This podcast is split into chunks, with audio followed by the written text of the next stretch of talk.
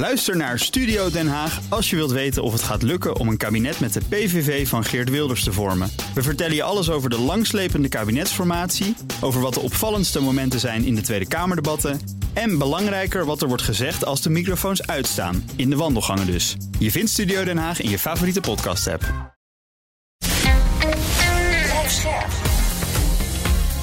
BNR Nieuwsradio. Boekenstein en de Wijk. Hugo Reitsma. A man walks carefully down a street, totally destroyed. Russian bombs have ripped through these buildings in central Kharkiv. Underground metro stations is where many people hide. Our house was destroyed.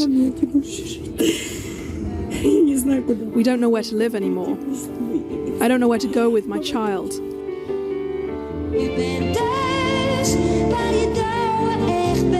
Drinkt. Douwe Egberts koffie, lekkere koffie. Verontwaardigd over de verwoesting in Oekraïne treft het Westen Rusland met sancties. En veel bedrijven hebben zich uit het land teruggetrokken. Maar niet allemaal. Jacobs Douwe Egberts bijvoorbeeld draait grotendeels door... en scoort daarmee als een van de slechtste Nederlandse bedrijven... in de lijst bijgehouden door de Universiteit Yale. Het is een van de vele gaten in de strafmaatregelen tegen Rusland.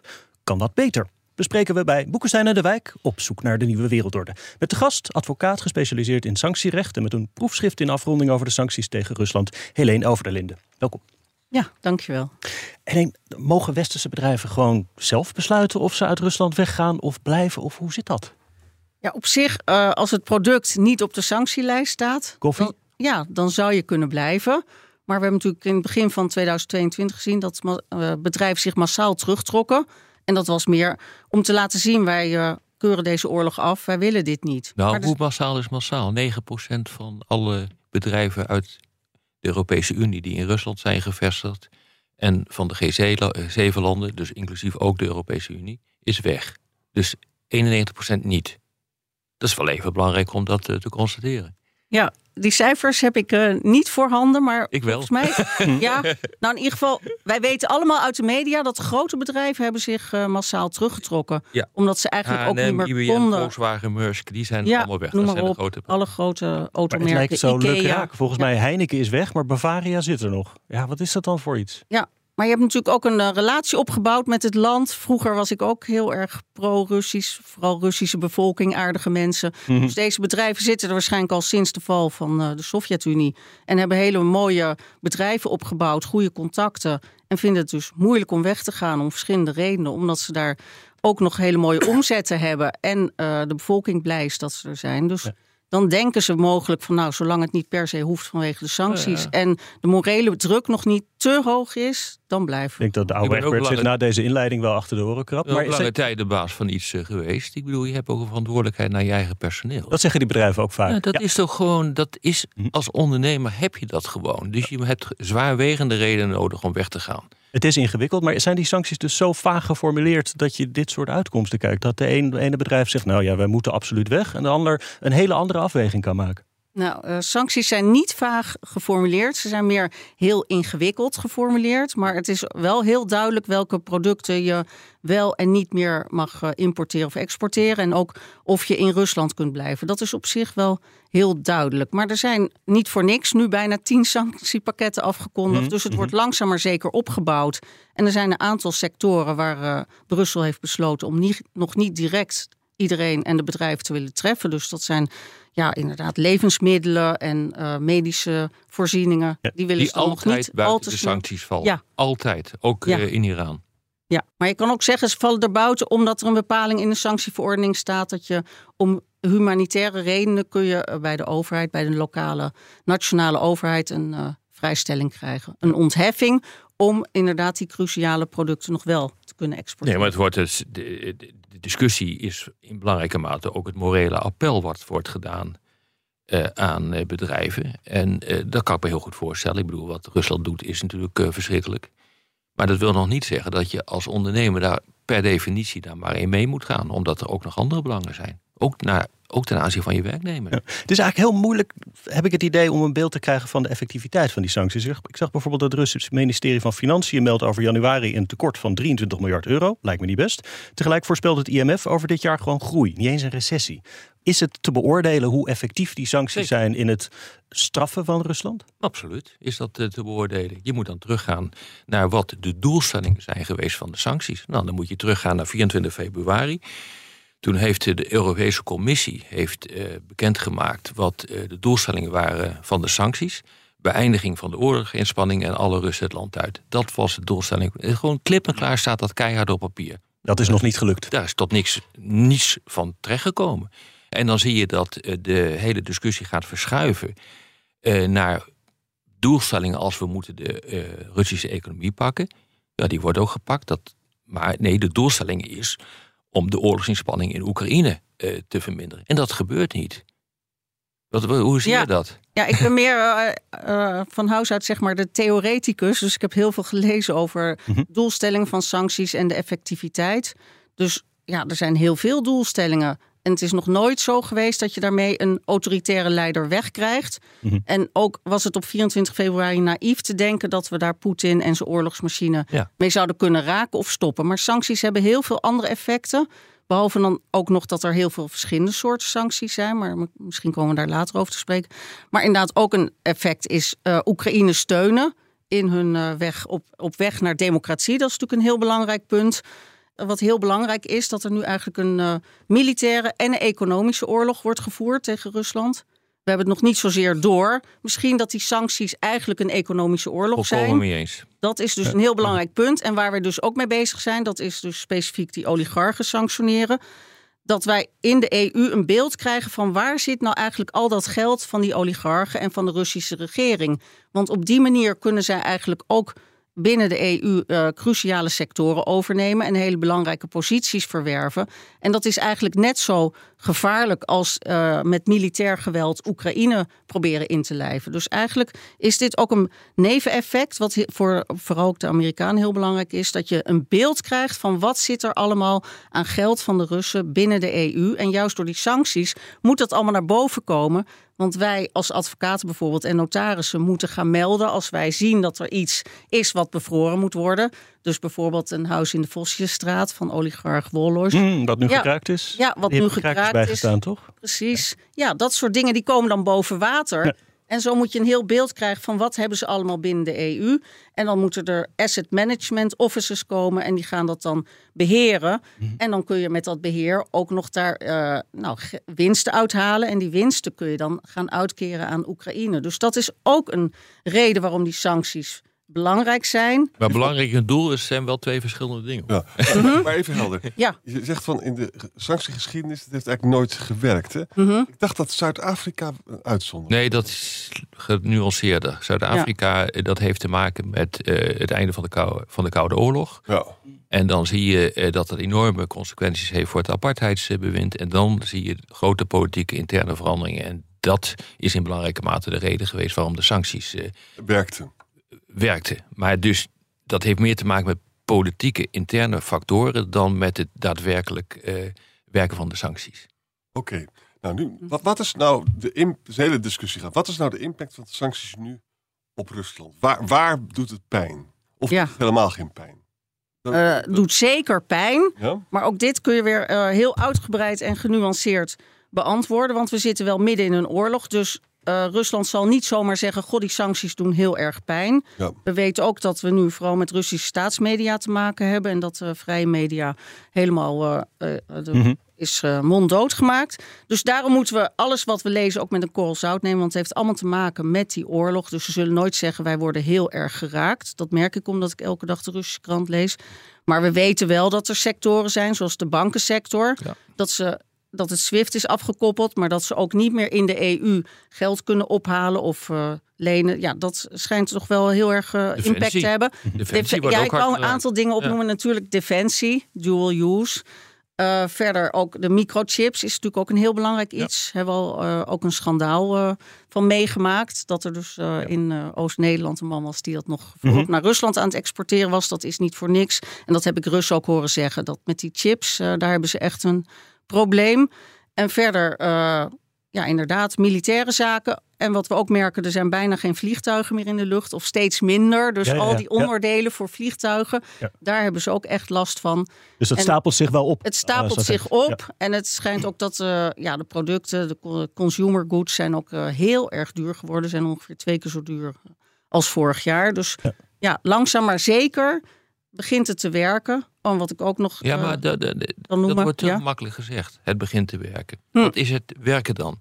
Kijk, het hele probleem is dat eh, je, dat zie je altijd eh, bij sancties.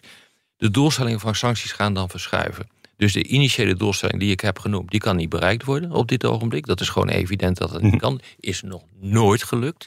Als je de sanctieliteratuur eh, eh, leest, onder andere van Hoefbouwer. Dat is een van de, de grote eh, auteurs op dit eh, gebied, onderzoekers op dit gebied.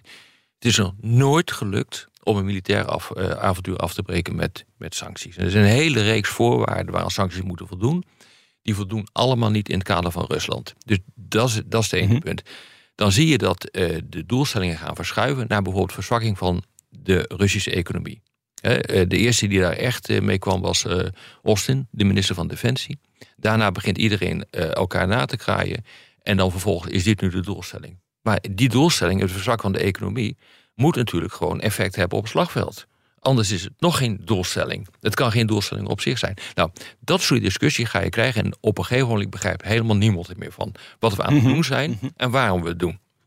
Ja, ik raak het ook een beetje kwijt. Ja, eh, dat klopt. Ja. Maar dat is gewoon wat het is. Dus je moet altijd teruggaan naar de basis. In ieder geval, het is wel ook een punt wat in het VN-handvest staat. Dat sancties zitten tussen praten en oorlogsvoeren. Dus we moeten sowieso Klopt. om die reden moeten we ze ook blijven afkondigen. Want wij zijn officieel niet in oorlog met Rusland.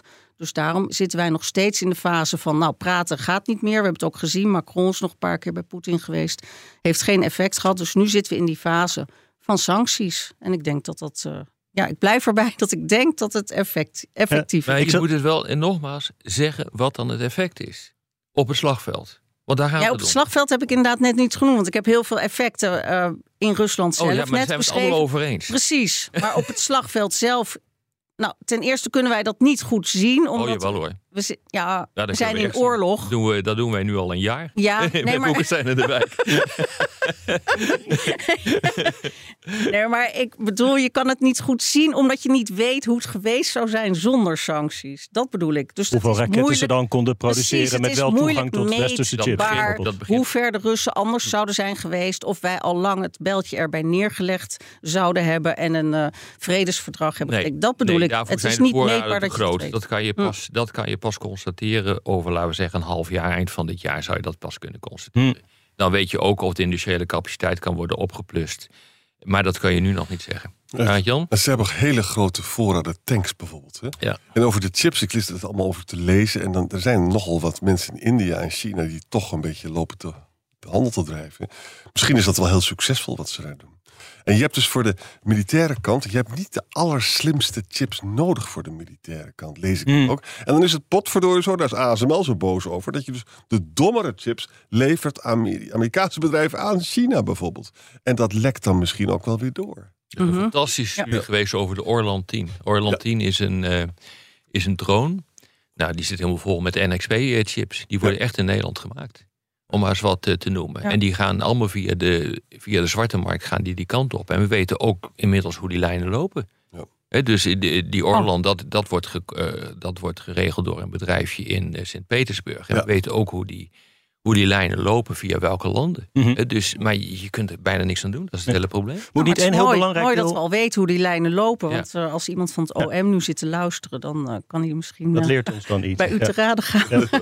Dus dit is natuurlijk een, een belangrijk deel van die sancties dat eigenlijk pas net goed en wel is ingegaan. Dus op olie. Hè. Eerst op ruwe olie is al een tijdje. Op Ja. eh, diesel en kerosine, dus geraffineerde producten. Dat is nu net pas ingegaan. En dat is volgens mij eh, nog een belangrijker inkomstenbron voor de Russische staat dan gas is. Dus kan dat niet een enorm effect gaan hebben dit jaar en verder? Nou, helaas ook niet. Als je, ik heb even gekeken wat eh, de productie is eh, geweest van, eh, van Rusland met betrekking tot het aantal vaten dat wordt geëxporteerd. Dat zit nu op 3 miljoen vaten per dag. Dat is hoger dan het ooit is geweest. Oh. En dat gaat ook nu gelden voor eh, dus olieproducten die. dus, dat is ook echt een kostelijk verhaal. Olieproducten zoals diesel. Eh, die zijn dus nu sinds 1 februari verboden. Maar het probleem is, er is geen enkele manier om te controleren hoe die, o- hoe die olieproducten en voor welke prijs ze Rusland verlaten. Ja. En de kans is nu bijna 100% dat we straks eh, diesel gaan kopen uit China en Ja. India, gefabriceerd van Russische olie. Dus ehm, het antwoord is, ook dit werkt niet. Sorry, maar ik ben het er niet mee eens dat je dingen maar Fijn. Ja? Ja. Nee? moet afkappen. Het werkt niet Ja. omdat er mogelijk omzeild gaat worden. Want omzeilen zal altijd gebeuren. Ja. En Zeker. hier Oh, is toch zeker. Absoluut. Ja, precies. maar vaak eens. wordt gezegd van nou die sancties hebben geen zin, want ze worden toch omzeild. Maar Maar dat is niet wat ik zeg. nee, Ik maar ben voor sancties. Mhm. Maar- Sancties, sancties eh, zijn een middel om je, om je afschuw duidelijk te maken voor dit regime. Ik ben voor zeer sterke sancties. Ik ben zelfs voor het, het totaal kappen op termijn van alle handel tussen Rusland en, eh, eh, en Europa, de Europese Unie. Maar ik denk niet dat je dan het effect bereikt wat je wil bereiken. Mag ik even wijzen op Noord-Korea en Iran? De sancties zijn gigantisch. En Noord-Korea gaat rustig door met het ontwikkelen van raketten en kernwapens. En weet nu zelfs, ondanks alle sancties, Amerika te bedreigen. Ja. Nu Rob weer alles heeft afgeserveerd, heel even pauze. BNR Nieuwsradio. Boekenstein en de Wijk. Op zoek naar de nieuwe wereldorde. Dit is Boekenstein en de Wijk. En dat programma is natuurlijk niet zonder Arend-Jan Boekenstein en Rob de Wijk. Mijn naam is Hugo Reitsma. En we praten met Helene Over de Linde, advocaat en sanctiespecialist... over hoe het gaat met het slopen van de Russische oorlogsmachine. Nou, niet, zegt Rob dus. Ehm, maar zou eh, Europa nog ergens een tandje erbij kunnen doen... op een manier, Helene, waar de Russen wel van schrikken? Het gaat bijvoorbeeld steeds weer discussie over... of je die bevroren tegoeden ook zou kunnen confisceren... en dan gewoon aan Oekraïne geven. bijvoorbeeld. Mhm. Ja, dat noem ik wel echt een tandje erbij. Dat is een tandje erbij. Ja, nog meer sancties kan ook, want er zijn nog steeds eh, nieuwe mogelijkheden. Dat zullen we ook met tiende pakket zien. Maar inderdaad, confisceren, dat is ook iets wat ze echt eh, een brug te ver vinden. En dat vinden wij eigenlijk ook allemaal in eh, deze westerse wereld. En ja, omdat ik elke dag om mijn mening word gevraagd, heb ik er natuurlijk heel veel over zitten nadenken. En er zijn allerlei varianten, maar dan loop je eigenlijk steeds wel een beetje vast. Maar nu denk ik, misschien is dit wel een optie. Daar ben ik een paar dagen geleden mee begonnen om dat eh, uit te denken. Nou komt het. Nou komt het. Ja. Nou komt het. Een juridisch, een juridisch En daarom hoor ik er ook Ja. heel graag eh, zo dadelijk reacties van, Ja, nou, ja. dit is redelijk of dit is goed of dit is belachelijk. Want ja, Rusland heeft natuurlijk vier eh, provincies geannexeerd en de Krim geannexeerd, heeft dat allemaal ingelijfd bij Rusland. Nou, Oost-Oekraïne, dat weten we allemaal, dat is heel rijk aan grondstoffen. Mhm. Er zitten veel, echt heel veel grondstoffen, ook cruciale grondstoffen. Ik heb me net nog in verdiept, dus ook voor lithiumbatterijen. De EU is eigenlijk daar heel erg van afhankelijk. Mhm. Willen ze onafhankelijk van China worden of blijven? Dus al die grondstoffen die daar in Oost-Oekraïne zitten, zijn van zeer grote waarde. Krim is ook heel waardevol. Alleen al toerisme, de wijn, de champagne die daar verbouwd wordt, dat gaf ook altijd gigantische ja, omzetten voor Oekraïne. Dus dat zijn ze nu allemaal kwijt. ja. Nou, daar hangt een prijskaartje aan. Mhm. En de Russische centrale banktegoeden zijn eh, bevroren, vooral in Frankrijk. En eh, nou, in totaal weten we dat 300 miljard. Dus ja, wij kunnen nu gaan uitrekenen. eh, wat hebben wij aan gederfde inkomsten? Of wij, ik bedoel Oekraïne, Oekraïne. in Oost-Oekraïne en de Krim. En dat dan gaat in om rekening heel brengen. erg veel geld. Want Ja. wij zien hier vooral ja, eh, raketinslagen en eh, eh, kapotte dorpen. En zielige mensen, die ook inderdaad heel zielig zijn. Maar we zien dus niet dat er ook nog fabrieken werken en volop mijnbouw wordt gepleegd. En dat Rusland daar dus erg veel geld uithaalt. Dus dan kunnen we mooi, zeg maar, de, de balans opmaken. Balans Ja, opmaken. precies. En Een paar dan- honderd miljard. Paar honderd miljard. En dan als Rusland het niet mee eens is, want die zal zeggen het blijft illegaal om te confisceren, kunnen we zeggen, nou, wij hebben dat verrekend met alles wat jullie al, eh, nou, met de Krim al sinds 2014 en met de rest van de gebieden. Houdt dat eh, juridisch stand? Dat bedoel Ik goed. Als jullie dat inderdaad niet, eh, niet juridisch rechtvaardig vinden, ga je naar de rechter en dan kan de rechter zich daarover buigen. En dan zal blijken dat annexeren van gebieden, dat zal nooit door welke rechter dan ook goedgekeurd worden. Dus je hebt een kans, zeg je. Dus ja, ik denk er is een kans. Nou, is en dan hebben we nog een kans, omdat ja, andere landen zouden het confisceren heel erg afkeuren. Maar er zijn eigenlijk geen, bijna geen landen in de wereld te, te bedenken die eh, annexeren. Dus dan is het ook niet zo dat hiermee een precedent is, ges- is eh. Nee, want inderdaad, annexeren, dat gebeurt eigenlijk niet. Dus daarom confisceren gebeurt ook niet. Dus dan kun je zeggen, nou oké, als jij annexeert, dan kan er lijkt mij juridisch sluitend Wat denk je dat een rechter zou zeggen? Dat is een interessante gedachte, moet ik Ja, zeggen. Maar wat denk je dat een eh, rechter gaat zeggen? Nou, dat je inderdaad eh, niet mag annexeren Nee, dat klopt. en niet mag confisceren. Dus dan is er een probleem. Nou, dan moet de annexatie ongedaan worden en dan hoeft er ook niet meer Maar ik geconfiskeerd kan me ook te worden. voorstellen dat, Ja. eh, dat de rechter zegt van ja, eh, ik, ik koppel die twee niet aan elkaar. Maar ik kijk gewoon of het volgens het, het, het recht mag om iets te confisceren. Ja, En dit is dat kan natuurlijk. ook. We dit- weten het nog niet. Nee, Nee, exact. precies. Ja. Hey, maar als Nou, we we dus gaan dit zien. Ja. als Ik ben heel benieuwd naar reacties. proberen langzaam naar een conclusie te werken. Hè? Want We zitten hier met een sanctiespecialist over sancties te praten. Maar ik begrijp nu dat het eigenlijk geen sancties zijn, maar het is economische oorlogvoering. Bovendien hebben we niet op orde waar die sancties toe zijn gericht. Nou, dat hebben we wel, alleen we kunnen het niet. Ja, ja, ja, precies. Ja, nee, Dat maar je moet wel heel nauwkeurig zijn. Ja, ja, ja. Maar wat is dus dan de conclusie? Ik ben, ik ben het een beetje kwijt. Dat we het programma moeten opheffen. Het is gewoon- Nou, we, zitten er gewoon, we praten over een, een chimera, over een, eh, over een droom. Nee, kijk, mijn punt is, als je dit doet, hè, we, we weten gewoon, eh, er zijn een aantal voorwaarden waaronder het opleggen van, waaraan het opleggen van sancties voldoet. Maar we weten ook wanneer het fout eh, gaat. Hè. Bijvoorbeeld als ze onderdag worden opgelegd, de doelstellingen maximaal zijn, dat zijn ze in dit geval. Ja. Eh, ze heel makkelijk omzeild kunnen worden. Zie je op dit ogenblik gebeuren. Het is al misschien niet makkelijk, maar het lukt toch. Eh, de kosten voor de zender heel hoog zijn. Dat is in dit geval, wij zijn de zender. En dat is in dit geval ook het geval. En heel belangrijk, als ze op worden gelegd aan autocratische regimes. Want die hebben allemaal mechanismen om, eh, laten we zeggen, ook intern de onrust eh, te onderdrukken. Nou, als je dat weet, dan moet, je, dan moet je zeggen dat die sancties echt moeten worden opgelegd. Omdat je ongenoegen wil eh, duidelijk maken met, eh, eh, met, die, met, met de situatie die daar op dat ogenblik zich afspeelt. En tegelijkertijd denk ik, moet je inderdaad bepaalde sectoren heel hard raken, zodat ook de economie wordt geraakt. Maar kom niet met die ronkende verhalen, waar von der Leyen nogal last van heeft, van we are going to destroy this war machine. Mhm. Want dat gaat je dus niet lukken. En dan ondermijn je feitelijk ook eh, het vertrouwen wat men heeft in die sancties. Op een gegeven moment zegt de bevolking, die is ook niet gek. Ja, maar er, er gebeurt helemaal niks. Wanneer zien we nou eens een keer wat, eh, wat die doelstellingen gaan opleveren? Ja, daar zit, het is een politiek probleem wat je doet als je dus zo committeert aan onhaalbare doelstellingen. En nogmaals, je moet ze wel opleggen. Hmm. Daar ben ik het mee eens. Je moet ze inderdaad opleggen. En je moet ook heel duidelijk blijven communiceren en het vertrouwen van de bevolking blijven houden. Maar vooralsnog is het ja, ook moeilijk meetbaar, vind ik. Want Ja. we zitten midden in die oorlog.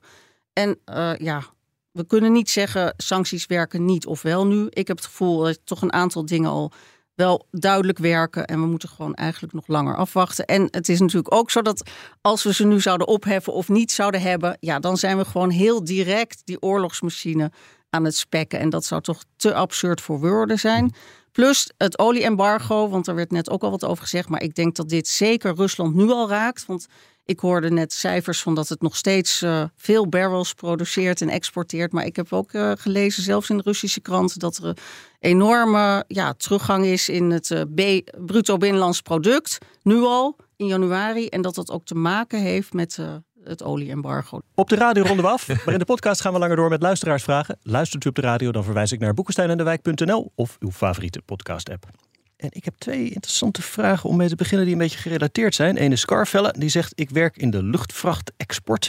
Er is significant meer vracht naar bijvoorbeeld Kazachstan met mogelijk doorverkoop naar Rusland.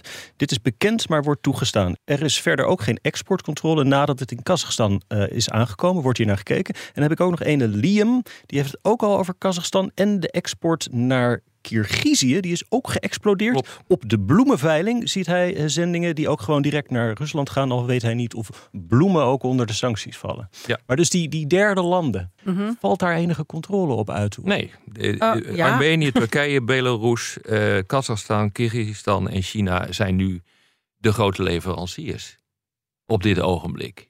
En, en natuurlijk, eh, vertel jij, eh, er is natuurlijk controle op. Alleen ja, het gaat over zoveel schakels hij het kwijtraakt.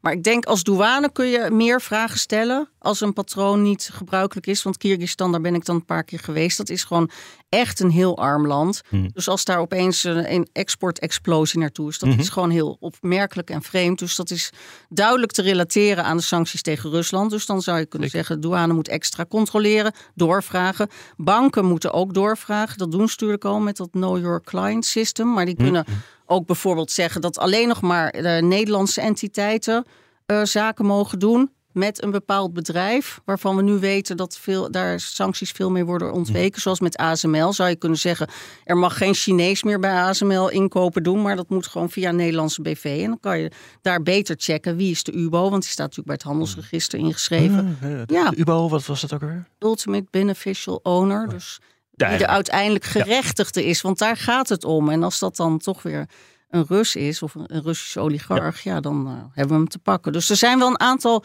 manieren om het eh, iets meer eh, controleerbaar te maken. maar theorie. het blijft in theorie. Hm. Het blijft Ja. natuurlijk lastig. Plus, ja, weer von der Leyen, want die is inderdaad wel continu bezig. Maar die is Ja. ook bezig met het eh, invoeren van de richtlijn Asset Management en Confiscation. Dus zodra die richtlijn binnen de EU van kracht wordt, wat hopelijk nog dit jaar gaat gebeuren, dan komen er veel meer mogelijkheden om informatie op te vragen en te delen. Dus dat maakt heel veel uit dat ook bijvoorbeeld het kadaster gaat dan dingen opvragen, maar gaat dat daarna ook delen met het OM, wat nu allemaal niet gebeurt. En ook hebben we dan misschien eh, in België een issue wat eigenlijk met Nederland moet worden besproken. En dan gaan ze ook informatie uitdelen. Maar waar moet je dan natuurlijk altijd de controleren? privacy Moet je dan die dat eh, onmogelijk maakt. Maar in ieder geval eh, informatie delen om zo daarna het OM eh, wijzer te maken. Die kan dan die. eh, Nee, helder. Maar waar moet je dat dan doen? Waar moet je die echte controles plaatsvinden? Want al die landen die ik nu heb, ge- heb genoemd, die maken of deel uit van de vroegere Sovjet-Unie, of die zijn elkaars vrienden, elkaars allerbeste vrienden, zelfs in het geval van China en Rusland. Waar moet je dan, hoe moet je dat dan aanpakken? Moet je dan in Nederland beginnen? Moet je dan in. Eh, moet je dan in, eh in, in, Kyrgyzstan, eh eh, Kyrgyzije gaan beginnen? Ik bedoel, waar? Hoe, hoe gaan we dat dan doen? Ja, ik denk hier beginnen. Dus ja, met al die papiermolens, dat checken van inderdaad, wat staat er in het contract? Eh, met wie doe jij zaken? Dus veel meer verantwoordelijkheid hier leggen bij de ondernemer en hem beter controleren. Maar ja, dat gaat natuurlijk En dan heel moet veel je geld weten wie de end-user is, zoals de heet. Ja, daarom zeg ik dat contract. En dan doorvragen. En als hij zegt, oké, dit gaat naar Kazachstan, misschien op een gegeven moment ook vragen. Nou, laat dan ook maar zien dat er in Kazachstan belasting is betaald over dit product. Ja, Want ja, anders als het doorvervoerd is, dan is het transit en hoeft daar geen belasting te worden betaald. Maar ik denk met al die dingen, als je dat gaat uitzoeken, kost gewoon heel veel mankracht. Want soms is het niet te doen, hè? Bijvoorbeeld, we weten dat gewoon olie op zee wordt overgepompt. Russische olie. Gemixt. Ja, En maar al deze dingen die zijn op zich strafbare feiten. Klopt. Want eh, ja, Ja, door het rode stoplicht mag ook niet. Nee, maar dit is nu een. E- en Dat wou ik nog even toevoegen aan strafbaar feit. Het is ook sinds kort een EU-crime. Wat inhoudt dat het op hetzelfde niveau wordt afgestraft als drugshandel en mensenhandel. Dus het is de zware georganiseerde criminaliteit. Hè. Dat, eh, dat stempeltje heeft sanctieomzeiling sinds eh, november vorig jaar. dus dat is serieus. heel lucratief, als het allemaal- drugshandel. Hm? Maar zelfs al komt. Dit overladen op dat schip waar jij het over hebt, wat inderdaad waarschijnlijk gebeurt, al komt dat over vijf jaar naar boven, dan is dat nog steeds een EU-crime en dan kan dat heel hard afgestraft worden. En dan krijg je dus dat er veel opbrengsten komen, omdat er boetes opgelegd worden en eh, zaken in beslag genomen worden. En dan kunnen we dat alsnog aan Oekraïne ja, dat geven voor de wederopbouw. eh, Dus, eh, confisceren. ja. Mooi. Handige Harry die vraagt: zou het Westen een aantal sancties moeten verlichten in ruil voor wat gunsten van Rusland als beloning? Wat volgens mij, zegt hij Rob de Wijk, zei dat beter werkt dan straffen. Of moeten de sancties lang volgehouden worden om langzaam Rusland economisch kapot te maken? Ja, het is een wet van de communicerende vaten. Eh, dat is feitelijk wat, wat het is. Eh, dus uiteindelijk wil je iets eh, voor elkaar krijgen, dan zul je met prikkels moeten gaan werken. Dat is echt gewoon, dat blijkt uit alle, alle onderzoeken die er zijn geweest over sancties. Sancties op zich nou, werken lastig. In een aantal gevallen eh, werken ze wel. Maar dat is vooral als je eh, sancties en daarmee dreigt naar bondgenoten. Dat, nu, ASML is een fantastisch voorbeeld. Eh, daar, daar werkt het wel. Als eh, ehm, Nederland toch besluit om naar China te gaan, te gaan exporteren, dat kan. Nederland kan dat gewoon bepalen. Dan krijgen ze gewoon de hete adem van Biden in hun nek. En dan komen er waarschijnlijk gewoon sancties. En dan krijg je geen eh, ik noem maar wat, landingsrechten voor de KLM in, eh, in Washington. Je kan van alles eh, bedenken. Maar dus hier zit, ehm, in, in die zin moet je uiteindelijk, als je iets voor elkaar wil krijgen, prikkels goed, voor goed gedrag eh, afspreken. En dat kunnen verlichtingen van sancties zijn. Maar dat moet je doen op het moment dat het zin heeft. Nu heeft dat totaal geen zin. Eh, Maar dat kan je wel doen op het moment dat er een onderhandelingen beginnen te komen. Naar aanleiding van de staakt het vuren. Of je kunt zelfs proberen om er een staakt het vuren mee af te dwingen. Dat kan wel. En dit stond ook in het Rand Report dat we hebben eh, besproken. Er was al die scenario's. En een daarvan was, als er inderdaad een staakt het vuur is. Stel je voor, dus Poetin verliest veel. Dan heeft hij een prikkel tot een staakt het vuur. Zelensky nog niet, maar goed. En dan zou je dus kunnen zeggen van, nou ja, als, als je nou echt bereid bent om te praten en we gaan wat doen. Dan zouden we ook eens naar die sancties kunnen kijken. En dan zeg je, zeg maar, als je de Krim teruggeeft, kopen we je gas weer. Kan dat? Ja. Is dat voorstelbaar? Ja, nee, dat is nu niet voorstelbaar. Maar, Maar even, in theorie. maar in theorie is, Ja. dit precies, is, een, is het een goed voorbeeld. Ja, precies, inderdaad. Dat heb ik ook vaak aangevoerd als een, eh, belangrijke functie van de sancties. Dat dat een onderhandelings eh, tool is voor als je eenmaal eh, uiteindelijk aan de onderhandelingstafel gaat Ja. zitten. En nogmaals, eh, ook terugkomend op die vraag die net gesteld werd. Goed gedrag belonen vind ik eigenlijk ook belangrijk. Want nu staan er heel veel oligarchen op die sanctielijst. En er staat dus ook helemaal niet bij wat zij zouden moeten doen om er vanaf te komen. Ja. Want normaliter, eh, als jij een strafbaar feit pleegt, dan staat er gewoon in de wet eh, vier jaar gevangenisstraf of een bepaalde boete. Maar hier in die sanctieverordening staat helemaal niet hoe zij van die lijst af kunnen komen. En dan zeggen ze wel, ja, wij zijn niet uit de entourage van Poetin.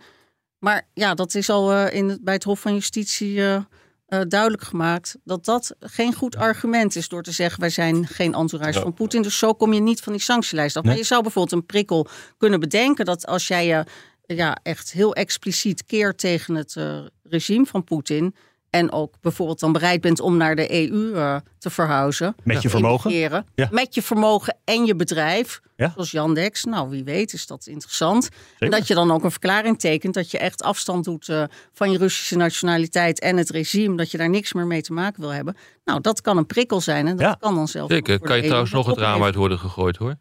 Dat kan altijd. Want dat hebben we ook Ja. gezien met FSD, FSB eh, eh, eh, eh, operators. ehm, eh, die in, eh, in Engeland nog eh, weer vergiftigd eh, zijn. Dus eh, Ja. dat Ja. kan allemaal nog. kan altijd alle kanten op. Dat Er is is zeker gisteren waar. weer een dame eh, uit het raam gevallen. even, even, ja, ik- wat ik heel interessant vind is, is ik dat, dat Rand rapport, dat hebben we besproken, dat vond ik ontzettend goed, vond ik dat. Hè. Wij weten dus dat in Amerika langs deze lijnen wordt gedacht. Hè. Wat een schril contrast met von der Leyen en met Stuart Sjoerdsma, die alleen maar over sancties praten en zo. Ja, Je ziet dus een Ja. mismatch hè, tussen het Europese Ja. discours en het Amerikaanse. inderdaad. Maar het Amerikaanse discours is veel geavanceerder. Hier in, in, en dat heeft gewoon te maken met het feit dat wij in Europa gewoon geen idee meer hebben hoe je machtsinstrumenten offensief moet aanwenden. Precies. Dat Ja. weten we gewoon Ja. niet meer.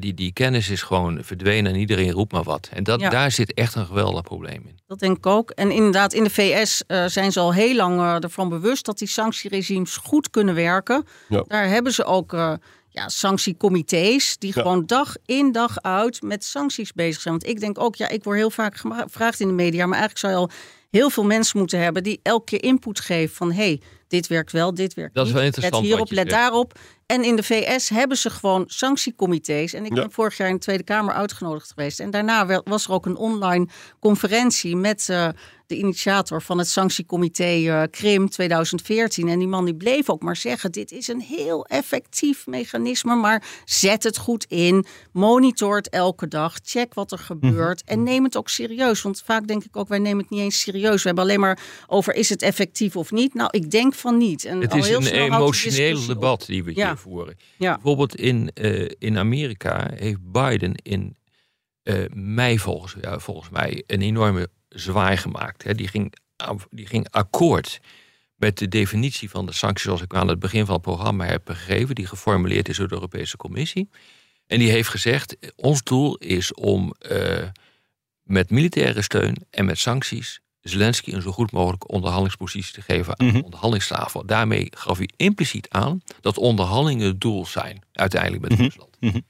Dat is een enorme scheiding van de geesten tussen Europa en Amerika. Wij zitten hier, in, en zeker in Nederland, op het niveau van winnen.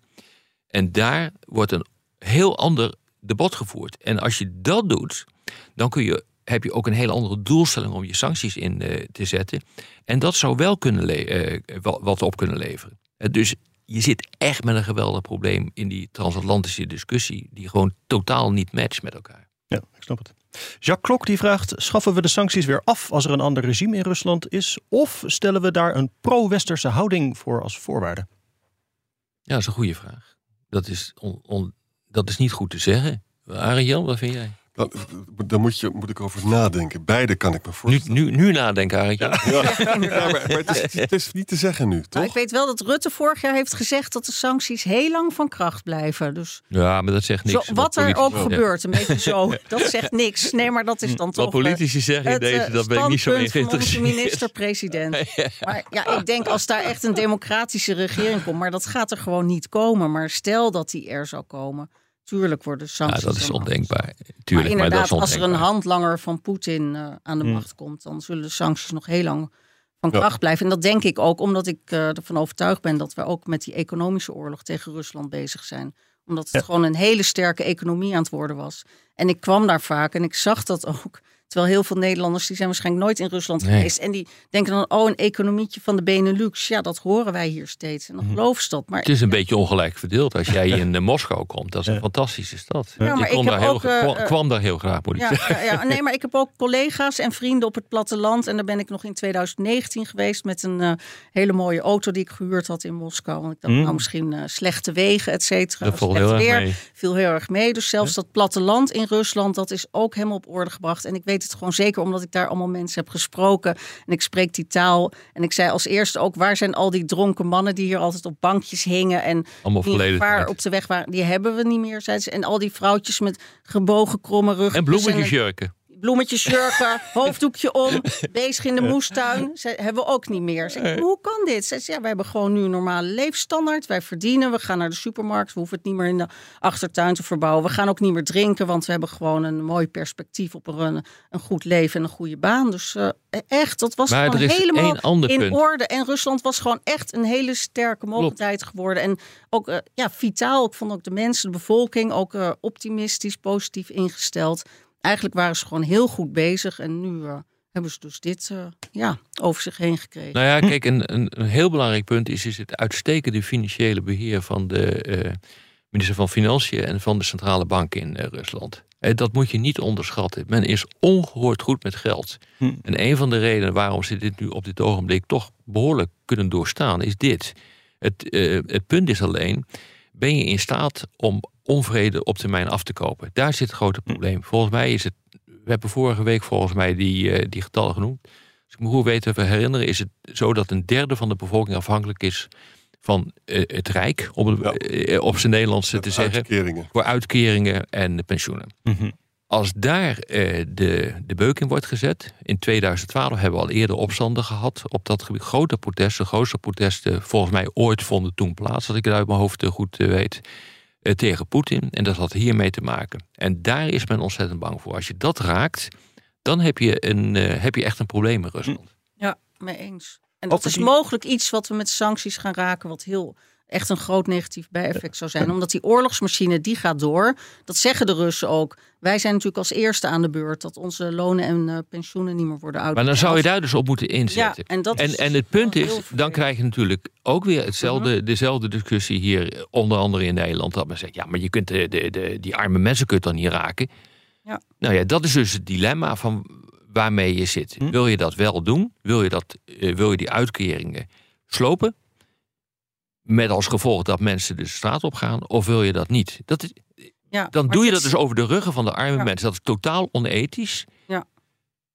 Maar dan moet je dus kijken of het doel de middelen heiligt. Ja, Ja. Dat soort afwegingen ga je Ja. krijgen. Nou ja, je zal er maar voor staan voor dat soort afwegingen. Ja, maar dit blijft natuurlijk een heel eh, negatief punt van de sancties. Want ja, mensen denken misschien dat ik alleen maar positief ben. Maar dit is wel echt iets wat eh, kwalijk is. Natuurlijk dat de bevolking meestal ook heel erg wordt geraakt. Mhm. Plus dat het ook nog zo kan zijn dat daarna, omdat de bevolking van Rusland zo geraakt gaat worden, dat ze ook een heel erg vijandbeeld krijgen naar het Westen. Ja. Voor zover ze dat nog niet hebben. Want dan eh, Ja, zijn wij de ja. boosdoeners vanwege de sancties. Sancties. Dus dat is natuurlijk wel een heel negatief bijeffect. Over die economische oorlog, zoals je dat zegt, Helene. En nog tot slot een vraag van Peter E. Die zegt: Afgezien van de effectiviteit van de sancties, is deze oorlog niet veranderd in een puur economische krachtmeting tussen Rusland en China en de VS eh, aan de andere kant, waarbij de sancties Europa op lange termijn zullen verzwakken? Zou kunnen. Ja, het is wel heel duidelijk een economische oorlog. Daar ben ik het zeker, Oh, zeker. mee eens. Ja, en ook heel erg eh, mogelijk dat wij erdoor verzwakt worden. Omdat wij toch wel erg eh, arrogant hier aan zijn begonnen. Zo van eh, wij EU, wij Westen, wij hebben het allemaal op orde. En we gaan nou eens even het kleine jongetje Rusland straffen. Maar dat is ook helemaal in de lijn van hoe wij altijd naar Rusland hebben gekeken. Want ook Poetin mocht nergens bij aan tafel schuiven. Want ja, dat stelde toch niks voor dat land en Poetin en eh, geen gesprekspartner. Dus ja, ik denk dat ze is helemaal in de lijn met hoe wij eh daarin staan. En het zou nog eens heel goed kunnen dat Rusland daar eh, heel krachtig eh, tegen in het geweer komt. En dat wij uiteindelijk ook vanwege de olieembargo en allerlei andere grondstoffen mogelijk tekorten, dat wij nog het onderspit zouden kunnen gaan delven. Zeker. Laten we hopen van niet, maar Ik hoorde Karel wel. de oude premier van, eh, van Zweden, nog niet zo lang geleden, bij een discussie waarbij ik zat zeggen: van, jongens, hou op met die discussie van we gaan Rusland op, op de knieën krijgen. Het is een land van elf tijdzones. En eh, zeker als je kijkt naar Nederland, dat is ongeveer eh, de, het oppervlakte van, van, van Moskou en, Ja. en omgeving. Dus jongens, een zesde van het wereldoppervlak. Ja. Grootste land van de wereld. Grootste stad. Ja, met de grootste voorraden van, Ja, van grondstoffen, grondstoffen. energie en ga zo Ja, maar door. schaal van die krijg, je- die Mendeleev, krijg je alles niet, hebben ze. Die Ja. krijg je nooit Krijg je op zijn knieën. klein, plus de mentaliteit van de Rus. Rusland zien. heeft de geografie, zeggen ze dan mooi. Volgens mij zijn we weer rond. We hebben weer geconcludeerd: het wordt Ja. allemaal niks. Dus dan is Ja. meestal het eind van de Nou. uitzending. Nou, dat wil ik niet zeggen. Dit was weer Boekenstein en de Wijk. Namens Arend en Boekenstein en Rob de Wijk. Dank voor het luisteren. Speciale dank aan Helene Over de Linden. En goed weekend. Dankjewel. Ook Diana Matroos vind je in de BNR-app. Ja, inderdaad. Je kunt live naar mij luisteren tijdens de Big Five. Ook handig in de BNR-app. Breaking nieuwsmeldingen, maar ook het allerlaatste zakelijke nieuws. En je vindt in de app alle BNR-podcasts, waaronder Wetenschap Vandaag. Download nu de gratis BNR-app en blijf scherp.